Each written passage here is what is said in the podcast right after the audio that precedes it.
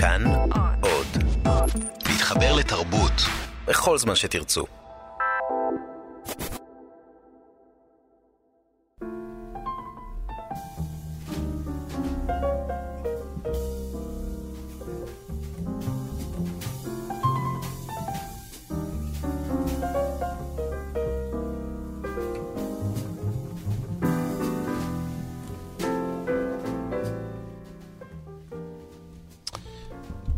שלום, אה, יאיר סולין. אהלן, שבת שלום, צהריים טובים. ברוכים הבאים להתבודדות בפורמט המקורי. כן. אחרי... אה, כמה זמן היית ב...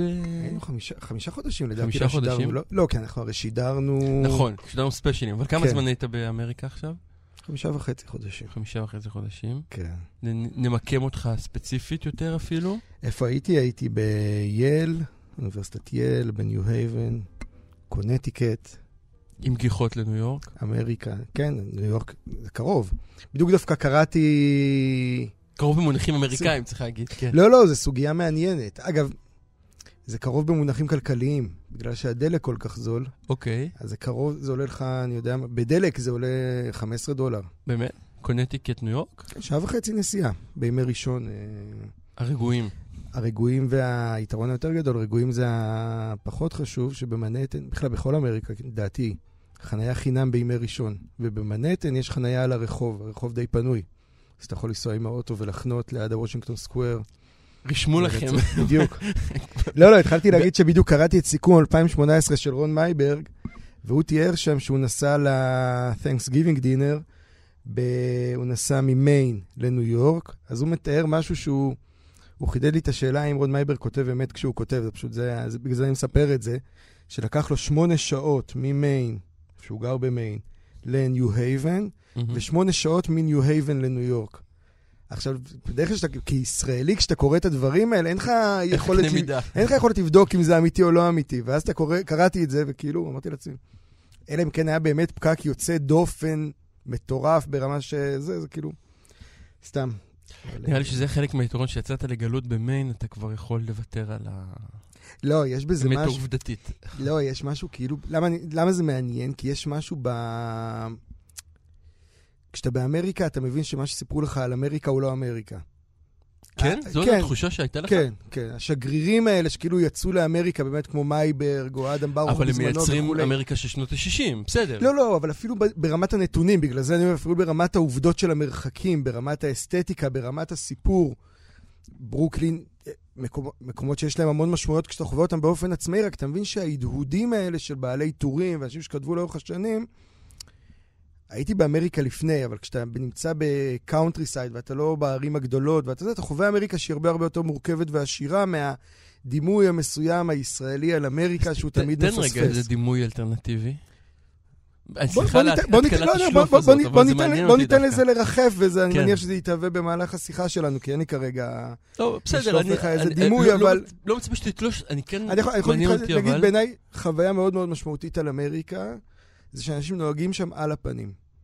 הנהג האמריקאי, תמיד בראש שלי היה נתפס כזה מנומס, מעוגן וכו', רמזור אדום זה המלצה לחלוטין. עכשיו מדברים כאילו על מקומות, ניו איבן היא מקום מורכב, אבל קונטיקט זה יחסית בועה. זה לא בערבות הפרועות של... של אתה אומר נוהגים. כישראלים ואיטלקים, לא פחות. אה, זהו, זה כבר עניין של כבר דימויים. יש דימויים. אבל אה, כן, לא, אבל יש בזה, אני מניח שזה ירחף הרבה, וזה תקופה משמעותית. אני רק אגיד שה... ל- להיות כן. בייל, והחוויה הזו, והשיחות שהיו לי שם, בטח זה ירחף. בעולם הזה שלנו.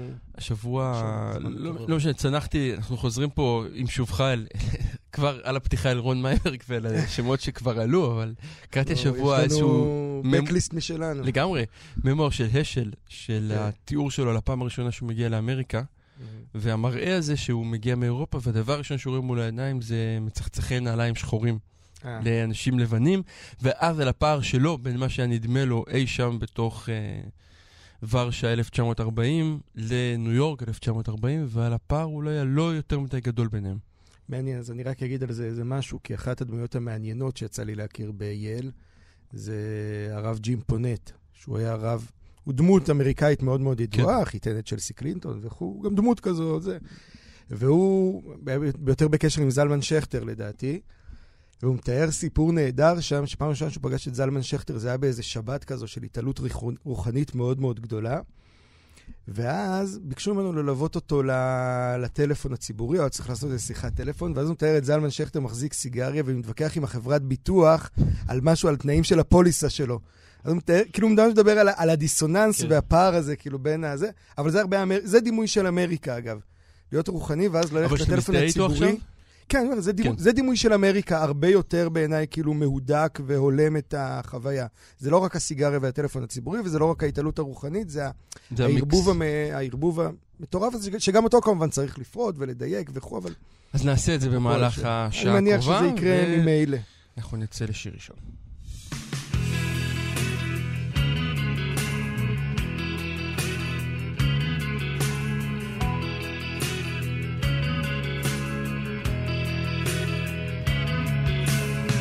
הדרך מתפתלת, מאחורי כל שלט הכאב אורב. כל עוד הכיוון סוחב נגד הלב. עוד לילה לא רגוע, כמו קפיץ מתוח שוב ישן עם האויב. כל עוד הכיוון סוחב נגד הלב. לא יכול ללכת נגד הלב כשהוא נשבע או נגד הלב. לא יכול ללכת נגד הלב כשהוא נשבע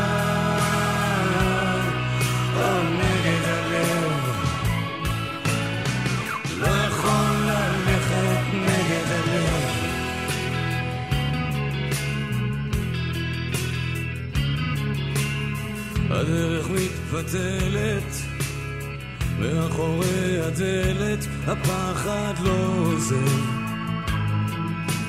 כל עוד הכיוון סוחב נגד הלב.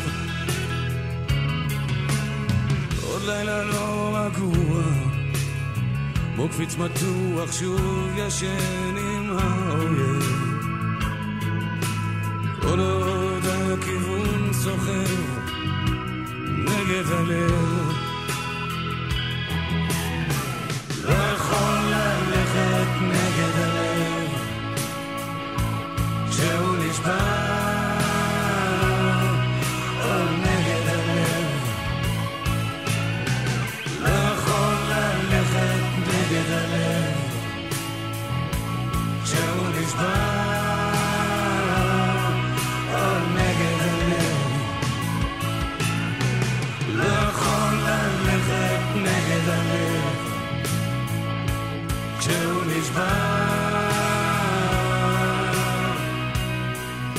כבר מאוחר, ויש יותר מאוד נהר אחד לחצות.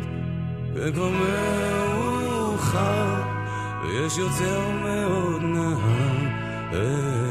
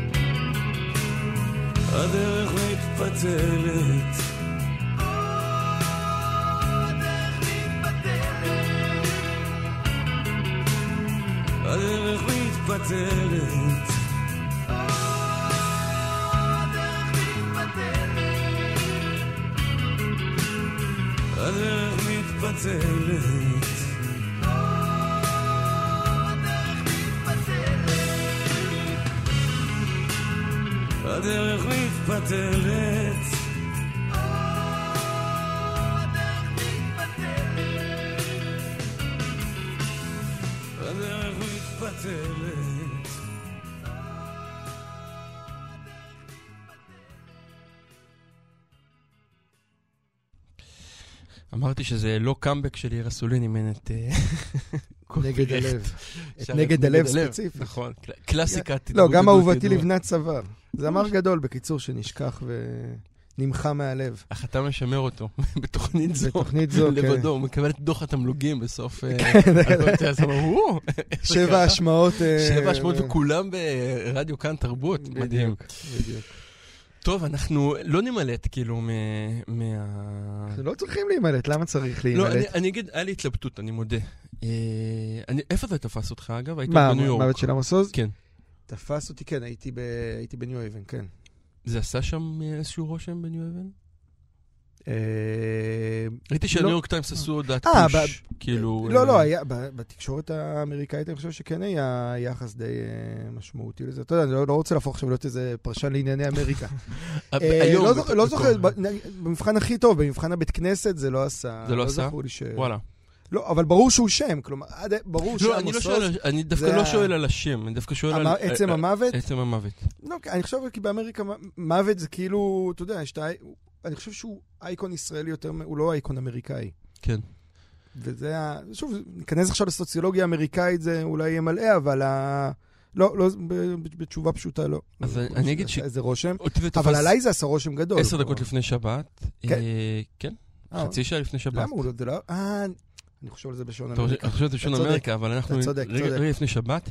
אגב, אני חשבתי, מה הדבר היפה? הרי תמיד אמרו על יוסי שריד, שהכלל הפוליטי הכי, הכי ידוע שלו הרי היה להוציא הודעות דרמטיות דקה לפני שבת. כן. זה כאילו התפיסה הזאת שקרתה לו מאוד יפה, כלומר, יש משהו, יש חסד ב... היא אמרה את זה גם, פניה, אה, היא אמרה את זה? בהספד? בהספד היא אמרה שסופרים צריכים למות, שצדיקים מתים בשבת, וסופרים צריכים למות בערב שבת. זה ה- Mm. כדי שכל השבת יוכלו לקרוא אותם ולחזור אל ה... אה. אה, אה, זה דווקא היה וורט יפה שם. אבל למה אני אומר את זה, שזה, שזה תפס אותי בשבת? כי היה לי המון זמן לחשוב על זה. במובן מה הזה, זה על זה? על המוות שלו ומה זה עושה לי. על עצם המוות, לא על כן, הבן כן. אדם או על... לא, לא על הבן אדם, משהו במוות, אני נעצבתי לליבי יותר משנעצבתי אה, ברגעים אחרים. ואחד הדברים היפים עבורי, ואחר כך יש לי הסבר שיהיה תרתי דה סתרי, אבל אני אתחיל בדבר לפני ההסתבכות שלו, זה שפתחתי את הרשתות החברתיות במוצאי שבת, מצאתי שם בעיקר מילים טובות, או מילים אה. מנחמות. אבל אתה יודע שזה לא מעיד על שום דבר, כי הרשתות הרי מכווננות אליך. זה, אז זה, זה אחד התשובות, אבל התשובה היותר חמורה, שהסחתי את זה לחברי, לחברי ואמרתי לו, תראה איזה יופי, עמוס עוז נפטר, לא היה גידופים, לא היה השמצות, לא, אמר לי, ברור, כי ב, בפיזמון סניף שקרה במוצאי שבת אה, של חברי הבית, של Mm. זה, אז פירקו את הסניף, הסניף התחלק, נפתלי ואיילת הלכו, ו, ו, אז, אה. אז לא היה זמן להתעסק ב... פיזמוס סניף במרכאות. כן, כן, כן, כן, לא היה זמן לא, להתעסק ב... אנשים נלחצו, איפה היה פיזמוס סניף? לא שמענו, לא הזמינו אותנו. איך פספסנו את הברכות של ראש אה, סניף... אה, אתה יודע שבר המפד"ל. רפאלי ואסי עזר הנחו את הפיזמון סניף שייערך פה, בתל אביב, בעוד... לא, אה, לא ארז טל. יכול להיות שיש שתי פיזמון- פיזמון סניפים. גם ארז טל, נאמר פה ב control. אה, אוקיי, אני- חשבתי זה- שזה, אוקיי, אוקיי. הרי עכשיו עלה דיון משמעותי סביב הדבר הזה, כי אם יגישו נגדה כתב אישום, האם היא תמשיך, לה-? כן, איך היא כן. תמשיך להגיש וכו'. יש משהו בעצם הביטוי הזה לייצג שהוא הוא בלתי נתפס. אבל אנחנו, רגע, אנחנו סוטים פה רגע מהנושא, ויכול להיות שבאמת זו התשובה. זאת אומרת, בתוך הדחיפות הישראלית קרו כל כך הרבה דברים מאז אה, חצי שעה לפני שבת. שכבר חצי שעה אחרי שבת הייתה מסיבת עיתונים שטרפה פה המון קלפים, ולאף אחד לא היה זמן להשתאות. זה, זה אחד ההסברים אה, שאולי... אני, אני, חושב, אני חושב שדווקא באמת עמוס עוז, שאני הכרתי אותו בשנתיים האחרונות, לא, לא רע בכלל. לדעתי אפילו פעם אחת הוא התקשר אלינו פה, נכון? כן, כן. כשהיינו, ו... אני חושב שהוא באמת כאילו היה דמות, שאיכשהו באמת הוא הצליח להחזיק בתוך הקונצנזוס למרות הכל. כאילו למרות כל מה שישראל עברה, אגב, זה הרבה בזכותו, אחת החוויות הכי... אני חושב שאמרתי את זה לדבורה באמת בשבת, שכאילו אחת החוויות הכי משמעותיות אצלו, שהוא איכשהו הצליח להישאר רלוונטי למרות הכל, כאילו, בתוך... עד... כשדיברת איתו, כלומר, לא, אפילו לא, ב, לא ברמת כן. השיח הציבורי, אלא ברמת השיחה. ואני חושב שזה כן התבטא בסופו של דבר באופן שבו הספידו אותו, התייחסו אליו. וגם יש עדיין בעומק, בעומק, בסוף כולם הפנטזיה שלהם הייתה להיות עמוס עוז. שזה דבר ש... לדעתי זה מה שנחשף בשבוע מאז שהוא נפטר. תסביר את המשפט הזה. ראית איך בסופו של דבר יש משהו, כשאדם מספיד את עצמו, אדם מדבר על עצמו, או על מש, מישהו שהוא חושב שזה ייצוג שלו או פנטזיה שלו, הוא פתאום הרבה יותר זהיר. והרגשתי אצל אנשים שכתבו על עמוס עוז, שהיה שם איזו זהירות כזו, נגיד דניאל בן סימון כתב השבוע בהארץ עכשיו, ביום שישי הוא כתב את ה... כאילו על עמוס עוז, שהוא פגש אותו לפני איזה שנתיים או משהו, וזה הוא הרגיש שזה נפתחה בפניו הדלת הגדולה לספרות, ישראליות, לא יודע מה בדיוק. כן? זה משהו כזה? כן, ככה זה מסתיים. נפתחה בפניי הדלת הגדולה או משהו כזה, אחרי שהוא פגש אותו, כאילו ישב איתו, הכיר אותו. דווקא, וה... אה, סליחה שאני קוטע אותך פה, אבל אני הרגשתי שחוויית המנוח ואני פה הייתה חסרת משמעות כמעט, מכיוון שעמוס עוז באמת הקיף, הוא היה אדם מאוד מתקשר שהגיב באמת לנודניק שבסוף קוראיו. אה, ככה שכאילו האקסקלוסיביות הזאת של עמוס עוז דיבר איתי כמו דניאל בן סימון, נראיתי פחות איש, הוא, הוא באמת... לא, יש משהו... דיבר אה, עם כולם. אבל גם, גם בזה דווקא, כאילו יש את עמוס עוז האקטיבי. שזה כאילו עולם אחר בעיניי. כלומר, יש את עמוס עוז שמגיב לאנשים, כלומר, כל אלה שהעלו את ההקדשה משבוע הספר בכיכר. לא, יותר מזה, הוא היה בן אדם... יש אנשים כן. שבאמת כאילו, זה... ויותר, לא, אני, אני אבל לא דיברתי על זה, כאילו, אני חושב שיש משהו ב... כאילו, אני קצת אחרי שהוא מת וזה, ובאמת שקעתי למחשבה עליו, חזרתי כאילו אפילו לחשוב על עצמי, ואני חושב שאחד הדברים שהכי, אגב, התחברו לי, שנגיד עד גיל 11-12, משהו כזה, רם אורן ועמוס עוז היו נראים לי אדם אחד. וכאילו, אני חושב שיש בזה משהו ב... כדי להבין את עמוס עוז, לפחות עבורי זה פענח לי משהו אצלו. כלומר, כי היה בו, כמה שהוא היה עמוס עוז, גם מבחינה אינטלקטואלית וספרותית, ודוסטויבסקי וכו' וכו' וכו', היה בו גם מן הרם אורן, מבחינת הדימוי. וכאילו יש משהו בחיבור הזה בין שניהם, שכשאתה קורא את ה... כשקראתי את ההספדים עליו, זה כאילו הכל ישראליות הזו. אני לא יודע איך... כאילו כל ביטוי הוא כבר קלישאה כדי לאפיין את הדבר הזה, אבל אני חושב שהוא מייצג פנטזיה של ישראלים. אני זוכר שהייתי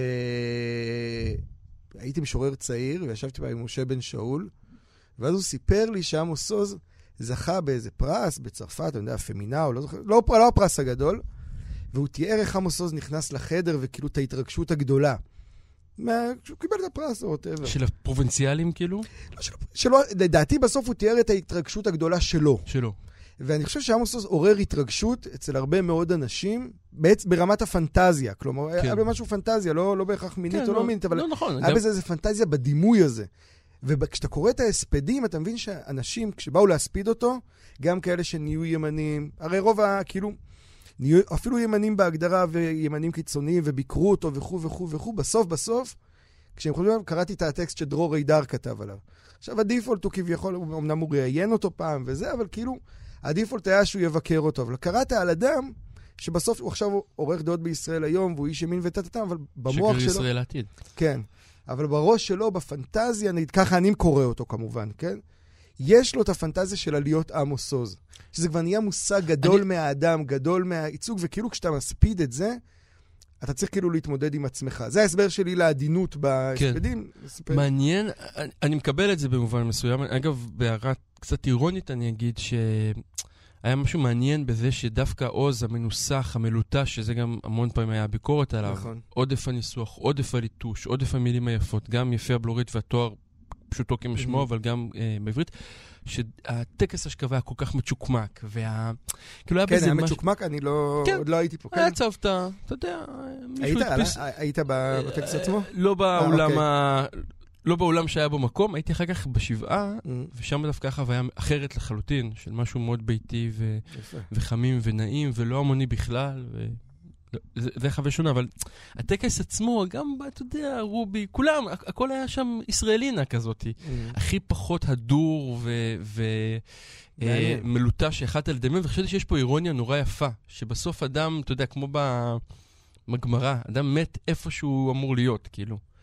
וה, ובמובן הזה טרקליני הנובל לא עלמו אותו. אבל, אבל אתה יודע, אני, אני דווקא אחבר את זה לטיעון שלי, שאפילו כמה שהוא היה מלוטש, וה, ותמיד גם ראית את זה, תמיד הרגשת את זה גם בשיחות איתו, שכמה שהוא היה מלוטש, בסוף באמת היה לו את ה... הוא כאילו באמת צמח מהמקום הזה. כן, כן? ויש את ה... זה חותם שכאילו אי אפשר, אפילו אם תרצה אפרופו אמריקאיות, מה שדיברנו קודם, אמריקאים, הרבה יותר מישראלים, זה דבר שאתה קולט אותו תוך רגע, הם יודעים תוך שנייה לקטלג אותך, ו- ו- וברגע אחד, כלומר, אם המבטא טיפה לא זה, אתה פשוט כאילו נש- נשלח הצידה. כן. ולעמוס עוז כאילו היה לו באמת את החותם הזה של המקום הזה, שכש... אתה יודע שכש... נגיד משהו על השמאל. כשאתה מדבר... אני... הרבה פעמים, כמובן שהימין מנצל ומעוות ומסית נגד השמאל וכו', ועדיין יש משהו, ב, נגיד, בעמוס עוז, שכמה שביקרו אותו, אף אחד, וקראו לו אפילו בוגד וכו', אף אחד אף פעם לא פקפק בחיבור שלו למקום הזה. וכאילו זה ניכר, כלומר, כן. זה, זה הכל חיבור של אותו דבר. אתה מבין? אגב, יש, אני מבין לחלוטין מה? שאתה מסגן, ואני חושב שיש פה עוד שכבה, ואחריה נצא לשיר. אמ, וזה משהו שהדהים אותי כש, כשהבנתי את זה. בניגוד אולי לפרוזה של עוז, שהרשתה לעצמה, בטח בספרים היותר טובים שלו, קצת לצאת ולחרוג מעצמה. כן, דיברנו פעם שאותו הים, לפחות עבורי, זה, זה הפסגה, ועכשיו קראתי בספר שיחות שלו עם שיר החדד, מהמם. שאומר שזה הספר הכי יפה שלו. כן. ושהוא מרגיש שזה כמו... אה, הוא מרגיש כמו פרה שהמליט השחף ביחס אליו. וזה דימוי נורא מוצלח בעיניי.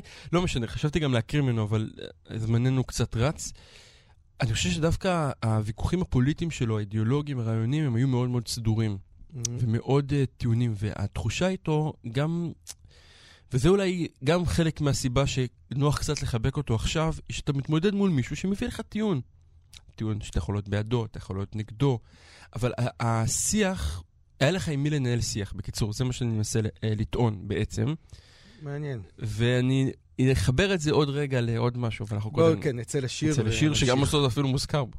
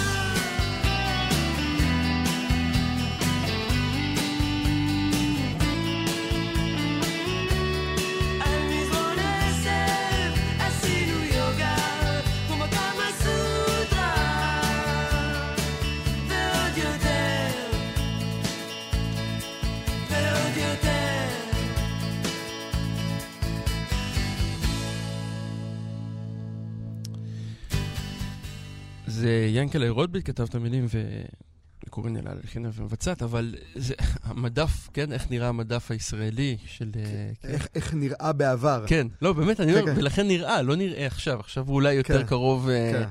כמו, אה, הזכרתם קודם את רם אורן, אז יש את הרגע הזה ב- במר באום, שהגיבור אה, מת של Mhm. דיין, בטרם הספיק לקרוא את, אה, את ספרו האחרון של רם אורן, וזה נורא מדכדך כן? אותו. לא כן, זוכר כן, זה. הגג הסיום.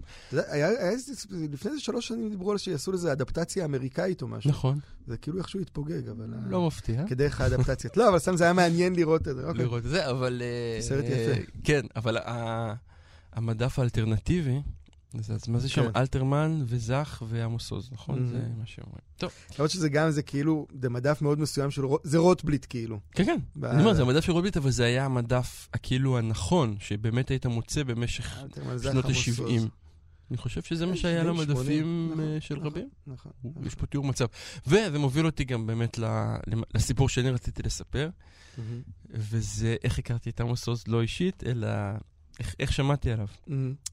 אני, על אף שגרנו ברמת גן, נשלחנו לבתי ספר בבני ברק, ולכן גם הייתי בסניף בני עקיבא בני ברק. אה, באמת? ואיך, מה, היית הולך בשבתות? זה הליכה רצינית? זה הליכה של אה, 20 דקות מהבית, אבל כן. מהמם.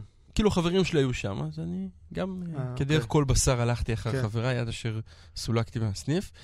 אבל ב... זה... סיפור שעוד אה, כן, יש אתה- לספר, כן. כן, בדיוק. כמו רון מייברג, אבל יש לי עכשיו שמונה שעות אה, נסיעה לספר אותו, אבל לא, לא בזה רציתי לעסוק, אלא שבקומה השנייה, מתוך ארבעת הקומות, בפסגת בני ברק, שם יושב סניף בני עקיבא, שפעם היה גדול בישראל, ועד היום הוא בניין אה, משונה לא, ומרשים. כל הבניין הוא הסניף, ארבע קומות של סניף? ארבע קומות של סניף פלוס גג, פלוס הגג של הגג שהוא המחששה הידועה. לנו היה מקלט ומבנה. אתה מבין את ההבדל? זה כן. פאר הדור. זה- זה האליטה. האלי- האליטה הבני ברקית. ובקומה, הש- בסוף המסדרון של הקומה השנייה היה חדר שנקרא חדר הנצחה.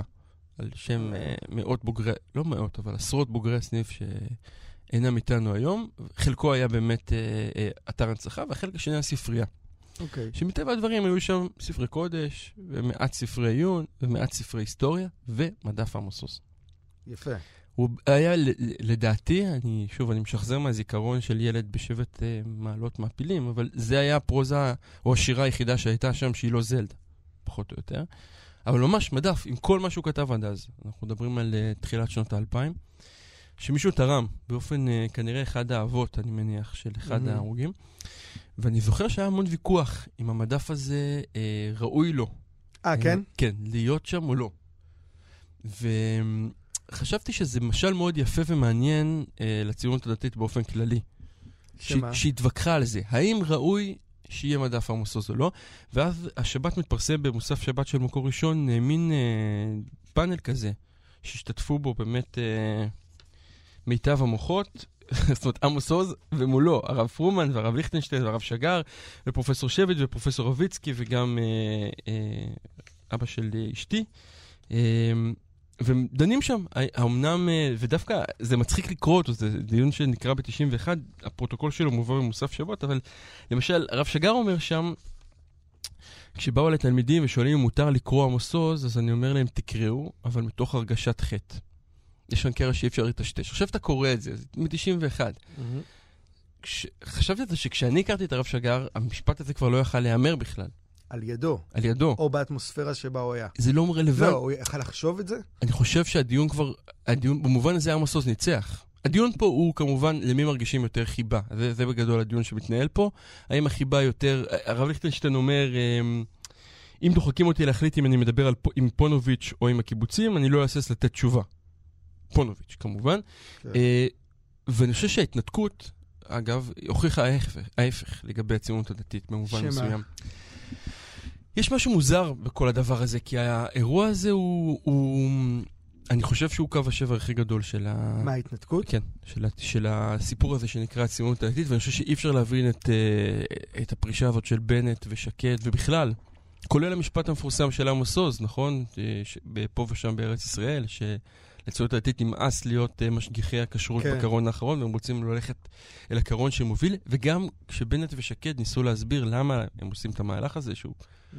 באמת אה, אה, עורר, אה, מזמן לא ראיתי כל כך הרבה גבות מורמות בקרב חבריי המזרוחניקים. הם אמרו, כי אם היה מפלגה כזאת, לא הייתה התנתקות. כן. זה היה הטיעון. ואני חושב שצריך לת- לתת את הדעת על מה קרה שם, ועל הרגע הזה שבעיניי ההתנתקות היא, היא הרגע שבו האידיאולוגיה פוספסה. או הוחלט שהיא לא מספיק חשובה יותר. אני, אני רק אני אגיד על זה משהו, פשוט התעסקתי בזה לא מעט בשנה האחרונה, כתבתי, אמור לצאת ספר במכון הישראלי לדמוקרטיה על הציונות הדתית. והזמינו ממני מסה כזו וכתבתי טקסט שהכותרת שלו הייתה לחזור למשק הדת. בדיוק כזה, לחזור להיות המשגיח כשרות על בסיס האשליה. וגם כתבתי את זה השבוע למדור בעיתון. ובעיניי הש- השבר הכי גדול של הציונות הדתית הוא דווקא שבר הרבה יותר קטן ומינורי שקרה הרבה שנים קודם, והוא? ולפני רצח רבין גם, והוא כשחנן פורת ו... וזבולון המר קראו לקחת את פרס ישראל מישעיהו ליבוביץ'. למה אתה ממקם את זה שם? בעיניי זה היה הרגע שבו הציונות הדתית הפסיקה להיות מורכבת, ובעצם הוציא, שמה כאילו קו והוציאה מחוץ לגדר את כל מי שלא טעם לה אידיאולוגית. הציונות הדתית עד אז, וזה גם הסיפור עם עמוס עוז, לדעתי עמוס עוז לא, לא ניצח. כי היום קוראים עמוס עוז, אבל בעצם הוא ממוקם כבר מחוץ, ל... מחוץ לערוגה כאילו הרוחנית. יש עמוס עוז, אני חושב בדיוק ההפך. אבל... מדהים, אוקיי. אני, אני חושב, ש, אני חושב שעמוס עוז, יש את השיר, ה, יש את השיר הידוע שכל מי שפעם השמענו אותו פה, אני חושב אפילו, לא את יותר. יותר? אהבה, בטח. יותר אהבה, נכון, יותר יונתן הקשבה, כן. יונתן גפן. צוות הוואי בני עקיבא. בדיוק. אז הדימוי הזה של יונתן גפן, שר על יותר שלום, במסגרת צוות הוואי בני עקיבא, זה דימוי שהיה הציונות הדתית עד אמצע שנות ה-80 לפחות. ובדימוי הזה, עמוס עוז היה דמות לגיטימית, אני זוכר טקסטים שלו בפעולות בני עקיבא, לא עם תחושת חטא ולא עם שום דבר. הם היו טקסטים בחוברות האלה, בחוברות הדרכה. אה, היה טקסטים של עמוס עוז, לא רק עמוס עוז, בכלל, כל הספרות העברית הייתה שם נוכחת. אבל הייתה נוכחת... המדף הזה של רוטבליט, מהמם. הוא היה המדף של כל ציוני דתי עירוני בישראל. אלתרמן וזך ו... ועוז כמובן. ואם היית רוצה להיות גם יותר מזה, אז גם היית יכול לשים ויזלטיר. אבל זה בעצם היה המדף. ובדיוק ההפרדה הזאת, עצם השאלה הזו בכלל של שנת 91, זה בדיוק הרגע הזה שבו נוצרת ציונות דתית, פתאום לייבוביץ' נגיד צריך להתנצל. ויושבים דווקא הדתיים, אתה רואה, יש דיון הרי מאוד מית- מיתולוגי, אפשר למצוא אותו גם ביוטיוב, ב- בעצם על, עם לייבוביץ' ביחד איתו, כשהם שם כן. נכנסים בו בפופוליטיקה, שהם נכנסים ואומרים, תוותר על פרס ישראל, ויש שם ממש ביזוי אמיתי של אדם מבוגר. בהקשר הזה לייבוביץ', שאתה רואה כמה זה חורה לו, לדע, לדעתי ככה, אני מפרש, אבל שזה כאילו, חורה לו שזה בא מהם. ובעיניי זה הרגע שבו כאילו הציונות הדתית איבדה את המורכבות שלה, ואני אני פשוט מציע מהלך אלטרנטיבי כן. לשלך, שהוא מתחבר, אני מתחבר שנייה להתנתקות, הוא מתחבר למה ש... וואו, נראה לי בעיה עם שמות. הוא מתחבר, אה, נו, איך קוראים לו? מה שהרב יואל בן נון אמר אחרי ההתנתקות, הוא אמר. נתקענו על ההר הכתום.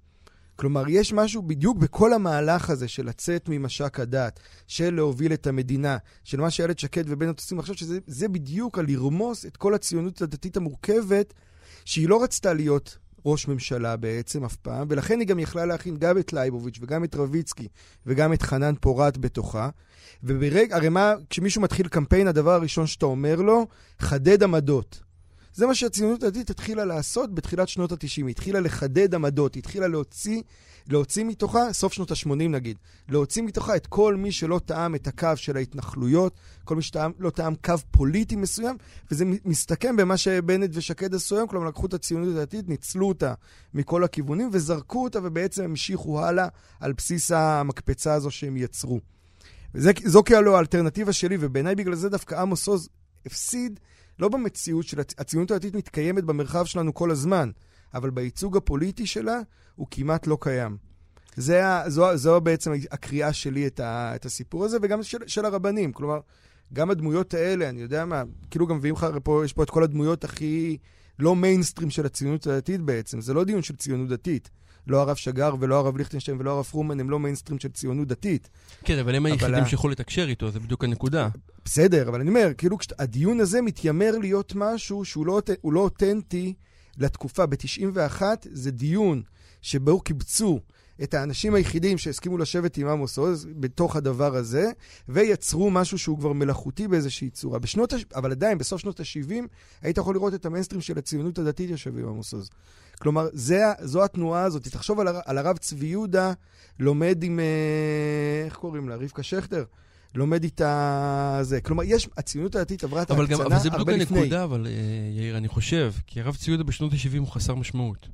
במובן האמיתי. כלפי, לא, כלפי לא, למד, הבורגנות למד איתה ה- קודם, אבל הבורגנות, אבל הבורגנות הבורגנות מבחינתה... הדתית, שהיא ההארדקור אבל בסוף. כלפי הבורגנות הדתית, עמוס עוז היה הרבה יותר מהרבנים האלה. נכון, זה בדיוק הטענה שלי. אז, אז הוא לא ניצח, כי היום הוא לא הרבה יותר מהרבנים האלה. הוא כלומר, ניצח את הוא זה במובן הזה שה... הוא לא ניצח, הוא פשוט... אני- הוא אגיד את זה- הוא- אני אעשה הוא רגע- עבר כאילו, הוא הוא פשוט בוטל. אתה מבין? כל השאלה, אני אני מבין מה שאתה אומר לגבי עצם השאלה, אבל אני אומר, התעוררות השאלה בתחילת שנות ה-90, ובאמת אולי נעצור את זה ואחר כך נמשיך אחרי השיר, התעוררות השאלה בתחילת שנות ה-90, עצם סימן השאלה על עמוס עוז, זה כבר תחילת ההתפוררות של הציונות הדתית.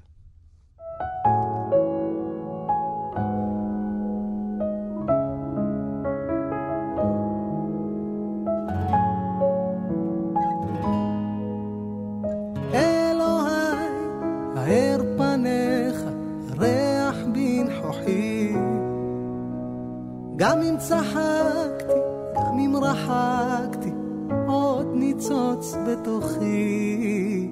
מה שעשיתי ולא עשיתי, זה כל כוחי. זכור שאהבת, שכח את היתר, זה כל כוחי.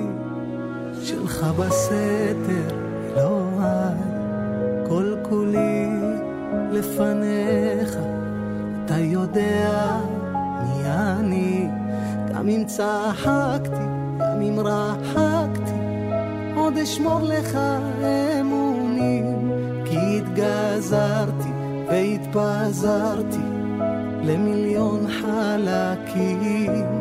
מה שעשיתי ולא עשיתי, אלוהי זה כל כוחי. שוב התקרבתי והתרחקתי, אז אקרא לך אבי, אז אקרא לך אבי.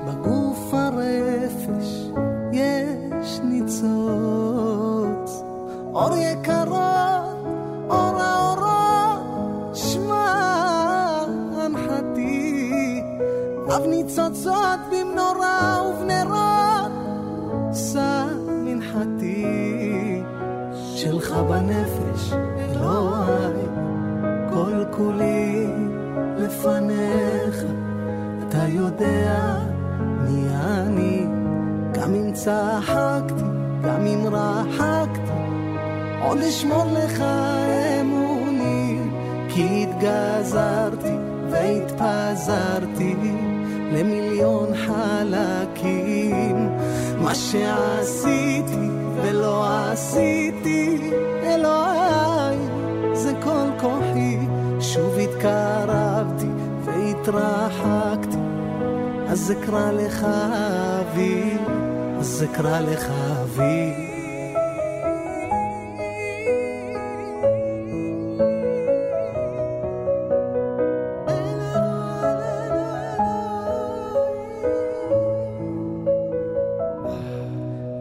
צחקתי, גם אם רחקתי, עוד אשמור לך אמונים, כי התגזרתי והתפזרתי למיליון חלקים. מה שעשיתי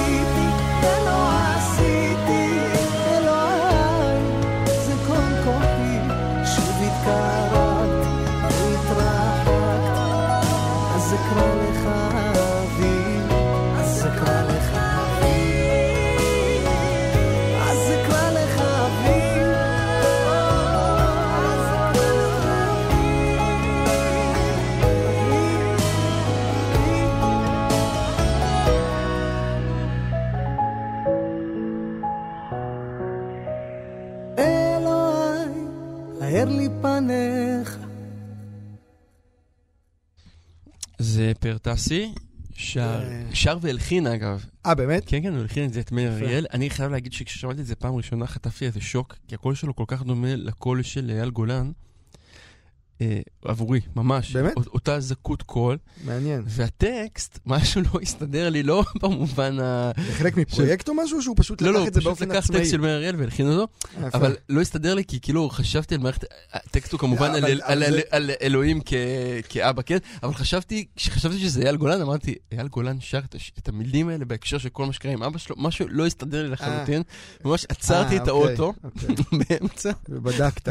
עשיתי גוגל כדי לראות שאני טועה, ו- ופתאום כל ה- כל הלינקים התחברו. לא, אבל, כי זה מעניין, זה דימוי מעניין. פאר תעשי, דרך השלום, לוקח, הולך לחפש טקסט של מאיר אריאל, זה דבר כאילו לא, זה אמירה ממש. זה אומר ממש, אם כי אני חייב להגיד לך שכשדרך השלום יצא, ישבנו אה, אה, בכיתה עם אה, ערן קולרין, ואז הוא התחיל להסביר לנו שבעיניו זה, זה שיר שכאילו מסמן אדם שהוא מאוד מאוד חושב.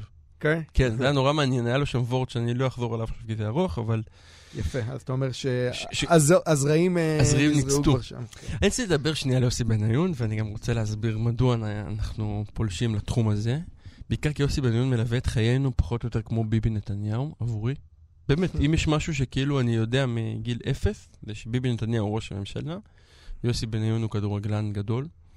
ממש יכול, אה, אה, מעניין. כאילו, אתה יודע, ברמה כזאת, יאיר, שהשבוע כש... עוד פעם, מהדורת בן כ- בן חדשות. כמה הוא בכלל? יוסי בן בן 38, הוא גדול 38? משנינו, אבל כשאנחנו היינו ילדים, אז הוא היה באייאקס אמסטרדם, ואז אילנה דיין הלכה לצלם אותו שם נכון, בתור הילד בן נכון. ה-15 מדימונה, שלא יודע מילה באנגלית, והאייאקס אמסטרדם יהפכו אותו כשעוד לכדורגלן היה הגדול אייאקס בעולם. אמסטרדם היו משהו. כשאמסטרדם היה, כן, הייתה כן. איזה תהילה, ואז, אתה יודע, קרה כמו... הנבואה הגשים את עצמה, הבן אדם הפך להיות הכדורגלן הישראלי הכי גדול, כן, מכבי חיפה. זה סטטיסטיקה של כתבות כאלה שחמש מתוך אה, שש מהם לא יוצא מהם שום בדיוק, דבר. ו- אבל זה, זה הצליח, וכאילו כן. הסיפור סינדרלה הבלתי אפשרי, הדימונאי הזה, מוצא את עצמו, אתה יודע, בליברפול עם משכורת של מיליון וחצי שקל בחודש, וצ'לסי וארסנל, ו... ואתה יודע, ספרד. וספרד, והיה גם, היה- היה לו המון מהלך אירופי, ואז לפני, כן. אני חושב, שלוש או ארבע שנים היה כאילו בוא נסיים את הקריירה יפה בארץ, אלא שקרה בדיוק להפך. שלא מסתיימת יפה. מה זה, לא מסתיים יפה, זה ה understatement הכי מקסים שיכלת בטוב לבך להעניק לדבר הזה. הוא עבר בשלוש חזרתי שנים... מנומס אה, יותר כן, מאמריקה. הוא עבר חמש קבוצות, עם כולם הוא הסתכסך, הוא הסתכסך עם האוהדים של מכבי חיפה, ואז הוא הסתכסך עם הבעלים של בית"ר ירושלים הקודמים, ואז הוא הסתכסך עם המאמן של אה, אה, מכבי פתח תקווה. זה, זה הגיע לרמות נורא נורא מביכות, כשהאיש בעצם כבר איבד את זה לגמרי כשחקן. אה, ואז פתאום הגיעה הידיעה, אתה יודע, וזה פותח מהדורת חדשות, אמנם ביום שלא קרה בו כמעט כלום, אבל עדיין, זה אה, ממש היה מהדורת ידיעה... חדשות. אה, היה, הידיעה הראשונה הייתה... הספורט. לא, לא, הידיעה הראשונה הייתה הידיעה? טראמפ והשגת הכ- הכוחות מסוריה, ואז ההודעה השנייה, יוסי בניון חתם לשתי עונות אחרונות בבית"ר מי זה עורך ירושלים. המהדורה הזה שלא שינה את הסדר, שלא פתח עם שלא בניון? פתח עם? בניון. כן. ומרים אמרה, אשתי אמרה לי, הוא אשכרה יוסי בניון? זה כאילו, זה אמיתי? והתשובה היא כן. ואני חושב ש... אבל קראת לזה יוסי בניון כמשל, מה אני המשל? חושב שהמשל הוא עלינו, ועל חוסר היכולת שלנו לשחרר. יש פה שתי בעיות. כי יוסי בניון, אני חושב, היה משחרר אם הקהל היה משחרר מיוסי בניון. זה קצת דומה במובן מסוים לראש הממשלה שהולך איתו, אה, פחות או יותר, את אותם עשורים. זאת אומרת, זה לא רק תסביר. החלטה, אני רוצה להגיד שזה לא רק החלטה של אה, הריבון, הלו הוא יוסי בניון, סלאש בנימין נתניהו, סלאש כל גיבור אחר, אלא זה גם החלטה של האוהדים. וביום שהאוהדים יפסיקו לשאת את שמו של בניון, בניון היה פורש. אני די בטוח, כי הוא מתבזה כרגע, אין פה... קצת בדומה לאדם לא, זה- זה מאוד מאוד מעניין. שעומד מולו, וכאילו מבין שסופו הרי אה, קרב. אפשר לגמור את זה עכשיו נורא יפה, ללכת על העסקה שוויינרוט הציע או לא הציע, למצוא כל מיני פתרונות יצירתיים לדבר הזה, ו- ולא להתבזות עכשיו על הספסל של... אה, אה, אה, אוקיי. יצרת פה חיבור כן, של כן, הדימויים. משהו חיבור כאילו- דימויים מכוון. כן, כן, כן, כן. אה, אה, ואני חושב שזה, אותי, זה, אותי המחשבה של הציונות הזאת. היא מעניינת, כי הם שתיהם אנשים שיש בהם קסם, והקסם שלהם גם עבד שנים, ועשו דברים, ויש את הרגע הזה, אני חושב שאתה יכול או, אה, או לסיים את זה באמת יפה. אני רוצה להגיד משהו דווקא אוקיי. על המשל מה- מהצד שלי. אתמול היה... ב- בעובדה, אתמול שודר הראיון עם אה, יגאל בשן, בשן. שהיה... היה רעיון מאוד מאוד מעניין במובן הזה שהוא כאילו... מה הכוח, מה הכוח הכי חזק של דיכאון? שאתה רואה את המציאות כמו שהיא. זה גם ידוע, אגב. כן. כלומר, במחקרים אנשים יודעים להעריך את עצמם הרבה יותר כשהם בדיכאון. וה... והרגשת כאילו את ההבנה העמוקה שלו, את המקום, למרות שהוא המשיך להופיע ומילא אולמות, לפחות לפי מה שהוצג שם וכו', כאילו לפי מה ש... לפי הנרטיב שהוצג בכתבה, אבל עדיין ראית אצלו, זה בדיוק מה שאני רוצה להגיד, שהוא כבר מבין איפה הוא נמצא, הוא מתאר שהוא מסתכל מהחלון והוא רואה את, ה... את הזקן שם שהולך ברחוב או משהו כזה, והוא ככה נוגע בו חזק. ואני רוצה להגיד שכאילו אולי המשל עם בניון, זה לא שאנחנו לא יודעים לשחרר, אלא שכאילו גם, דף, גם נתניהו וגם בניון מבינים, ואתה רואה את זה כאילו כלפי כל מי שהולך, פה, שמי שפורש, תוך רגע החברה הישראלית מוחקת אותו. כן. שאלת נגיד על אמריקה, אז בחברה, כאילו בחברה, אגב, זה מסיבות כלכליות בעיקר, אבל בחברות גדולות ועם תרבות שהיא כאילו משכללת את עצמה וזה, יש לאנשים שפורשים מקום. אתה אומר, מייקל ג'ורדן עוד חי. מייקל ג'ורדן, לא רק מייקל ג'ורדן, אפילו הרבה יותר מזה, כלומר, אפילו דמויות יותר קטנות שוליות, מבחינת כן. ה- האיקוניות ה- הפנימית שלהם, ובישראל לא. כלומר, בישראל ברגע שפרשת, ברגע ששחררת, שירדת מוקד הכ- מהגלגל כ- כן, כמו של בדיוק, של אריק שרון. בדיוק. כן. ברגע שכאילו ויתרת על מוקד הכוח המסוים הזה שלך, אז זהו, אתה מחוק. ומישהו כמו יוסי בן-נון, אני יכול- אם אני מדמיין מה שעובר לו בראש, זה אומר לעצמו, כאילו, מה אני אעשה אחרי זה? מה, אני אשב עכשיו להתחיל לפרש אה, כדורגל בערוץ אחד? או בערוץ 10? או ב... לא יודע, מה אני אעשה? כלומר, ה... ו- וזה כאילו, אני חושב שזה העניין. יש אגב, משהו הוא בדבר הזה. הוא יצטרף למפלגת הימין החדש של בנט ושקד. או שהוא, כן, או שהוא ישקיע בבולגריה. או חוסן ישראל, לא יודע, כן. יש הרבה דברים בשוק כן. כרגע. אגב, הוצע לך, יאיר, להצטרף לחוסן כבר אל- לישראל. לחוסן ישראל. האמת, כן. היינו צריכים לעשות אייטם על המבוכה שבשמות של בשמות המפלגות. הנוראיות האלה. ממש. איך- אה, אה, איך קוראים לו? בוגי קרא על הדבר? תלם, תלם. מדהים. masterpiece. כן. האמת היא, וגם על העיצוב אגב, הדבר, הכאוב. הדבר המעניין זה הרי שזה התנועה של משה דיין, תלם. נכון. זו הייתה התנועה של אה, משה דיין. שזה כאילו הדהוד אה, לא, לא מודע לא או מודע, אבל זה... עזוב, זה שהם לקחו את המפלגת מדף של... אה, של אה, פריצקי. כן, שזה גם אה, שעשוע בפני עצמו. בקיצור, אה, שזה כנראה זה יכול להיות השקעה טובה, חשבתי על זה, להמציא שמות של מפלגות. לעגן אותם על שמך, בעלות. וכן, ואז אתה מתחיל. לסחור בשמות של מפלגות. אתה אומר, היכונו לבחירות של זה הא- 2022. זה האופציה של העתיד, נראה לי האופציות שהבנו. איך עושים כסף. כן.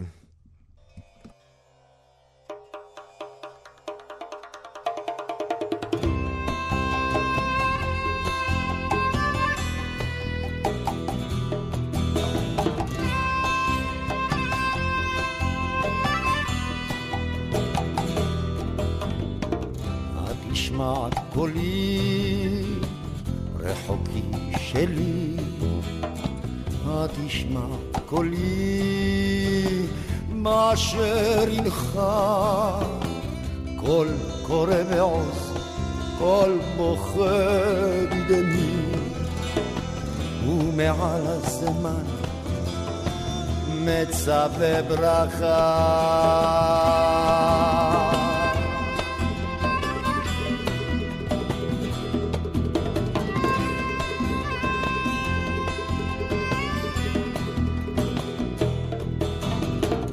ארץ זו רבה ודרכים ברב נפגשות לדק נפרדות לעד. מבקש אדם אך כושלות רגליו. לא יוכל למצוא את אשר עבד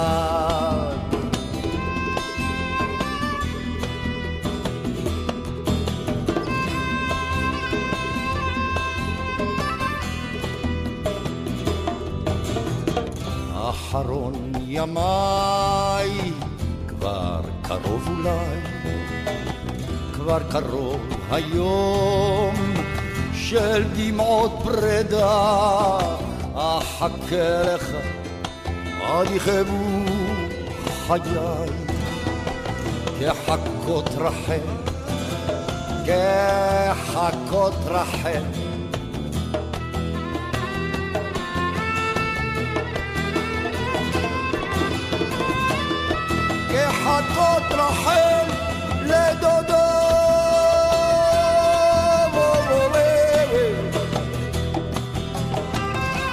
wa wa si ka we wa ba wa wa we.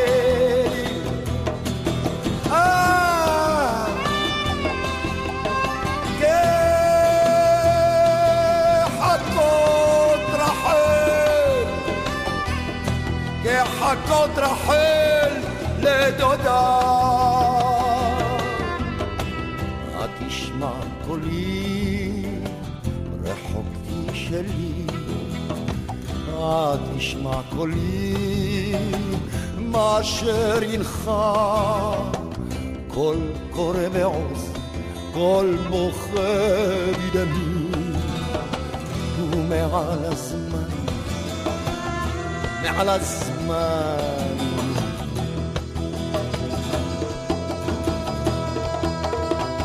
ומעל הזמן מצפה ברכות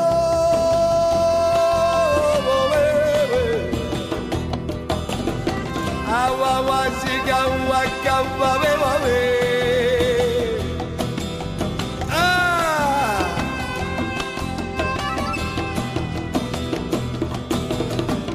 Awa wa we za wa ba ba we wa we Go go אמ, טוב, באמת, אה, ניכרת חזרתך אפילו מבחינת השירים בפלייליסט. שלמה, מה? לפחות זה, לפחות לפחות זה. זה, משהו, משהו, זה. כן. יש, ראיתי שאחרי שערפו את אה, ראשו של נחום ברנע, ועמית Mhm. החליף אותו, עכשיו הוא בכל זאת חוזר לכבוד הבחירות לאיזה טור, אה, אה, כן? טור מסע בחירות שבכל זאת יפתח את המוסף. יפה, יפה. ואני גם תוהה האם אנחנו, אה, מכיוון ששנינו מגרד לנו באיזושהי צורה לדבר על זה, צריכים אה, אולי למנף את זה לפינה. ואז, פינת, ואז אה, נגביל, ואז נג... כי אחרת זה עלול להשתלט לנו על כל הדיון. לא, בסדר, זה טוב שזה משתלט. האמת, תקופת בחירות, הדבר הכי טוב בתקופת בחירות, מעבר לבחירות עצמם, זה שזה באמת מציף... אה, הודעות ספאם בוואטסאפ. גם, אבל גם ספאם נפשי בשיח החברתי. לא, באמת, זה מציף דברים שזה, דווקא זה מעניין. אבל אני רוצה, אנחנו ממש לקראת הסיום, וכן רציתי להגיד משהו על איזה טקסט שקראתי ב...